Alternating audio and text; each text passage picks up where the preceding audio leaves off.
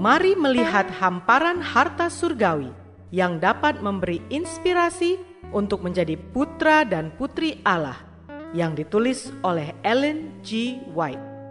Melalui renungan pagi ini, kita akan mempelajari nasihat yang menguatkan dan memberi semangat untuk memperbaiki karakter kita. Bersama Mana Multimedia Ministry, selamat mendengarkan.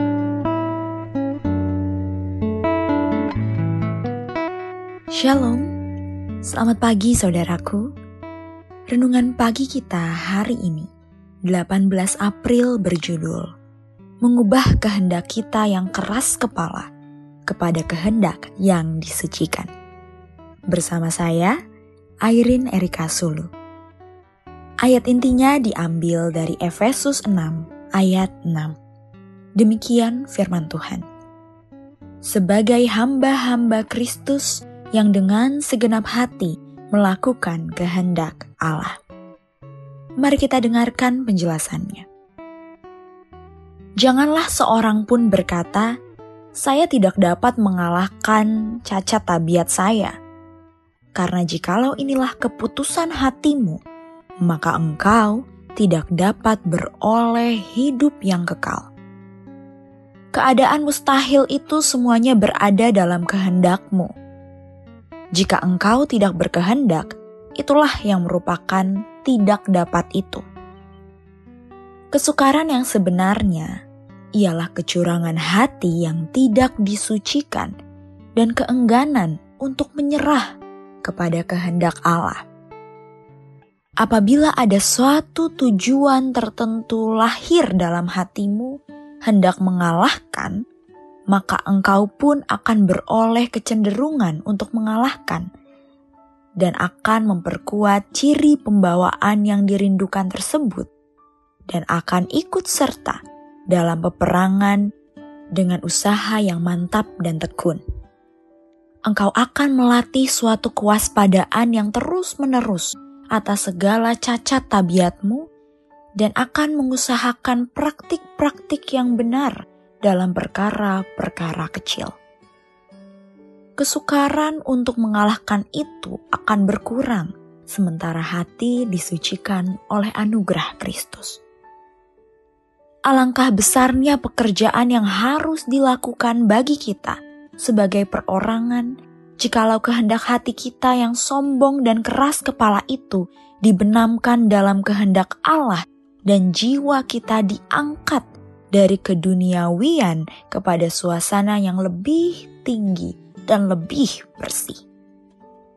Kemauan diri dan kesombongan itulah kejahatan yang membalikan malaikat-malaikat menjadi roh-roh jahat dan menutup pintu gerbang surga terhadap mereka.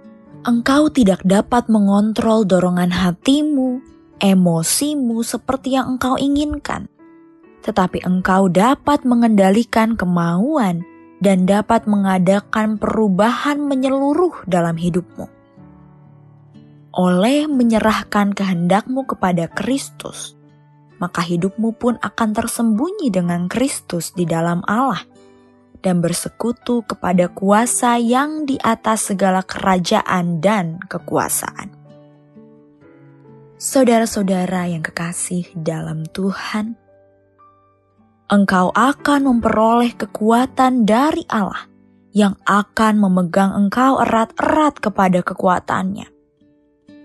Dan suatu terang yang baru, bahkan terang iman yang hidup, akan mungkin kepadamu. Akan ada di dalammu satu kuasa, satu ketekunan, dan suatu kesederhanaan yang akan menjadikan engkau suatu alat yang berbudi bahasa halus di dalam tangan Allah. Doa kita hari ini.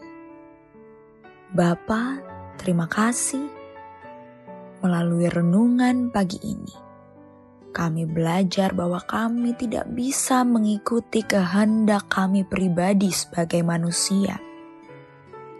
Terima kasih melalui renungan pagi ini kami diingatkan agar kami menyerahkan seluruhnya kepadamu, hati kami, emosi kami, semuanya menjadi bagianmu.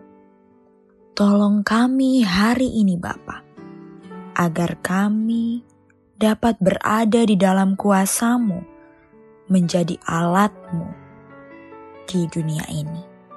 Terima kasih Bapa, hanya kepadamu kami serahkan hidup ini. Di dalam nama Yesus.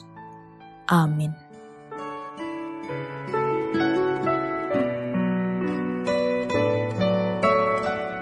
Demikianlah tadi pembahasan tentang menjadi putra dan putri Allah. Semoga firman Tuhan hari ini menjadi berkat bagi Anda. Sampai jumpa, Tuhan memberkati.